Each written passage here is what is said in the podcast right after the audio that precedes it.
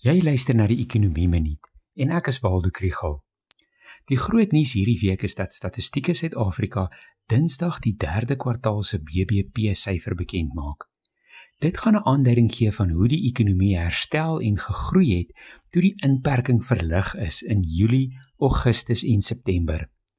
Luisteraars sal fyn moet luister hoe die syfers gerapporteer word.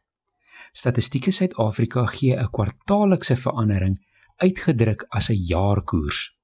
Ons het almal geskrik toe hulle gesê het dat die ekonomie in die tweede kwartaal met 51% gekrimp. Nou verwag ekonome 'n jaarlikse groeikoerssyfer van 65%.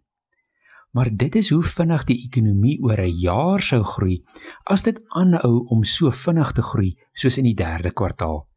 En ongelukkig is dit nie hoe dit gaan uitwerk nie.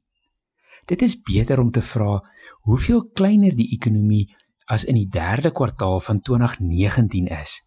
En dit word geskat op ongeveer 6,5% kleiner. Die voorspelling vir die hele 2020 is dat die ekonomie hierdie jaar altesaam met 8% gaan krimp en dan volgende jaar met 3,5% groei en in 2022 met 2,4% groei. Van die positiewe data wat ons verlede week oor gesels het, is dat sakevertroue skerp toegeneem het in die 4de kwartaal, veral in die kleinhandel, groothandel en motorhandel. Dit is nie duidelik wat swart Vrydag uitverkoping sê oor hoe dit met verbruikers gaan nie.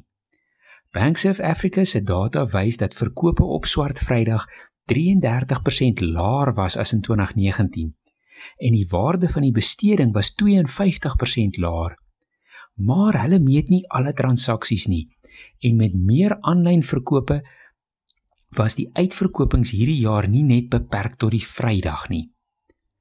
'n Meer duidelike bekommernis is dat die aankope bestuurdersindeks verswak het, wat daarop dui dat die herstel van vervaardiging minder stoom het as waarvoor ons hoop.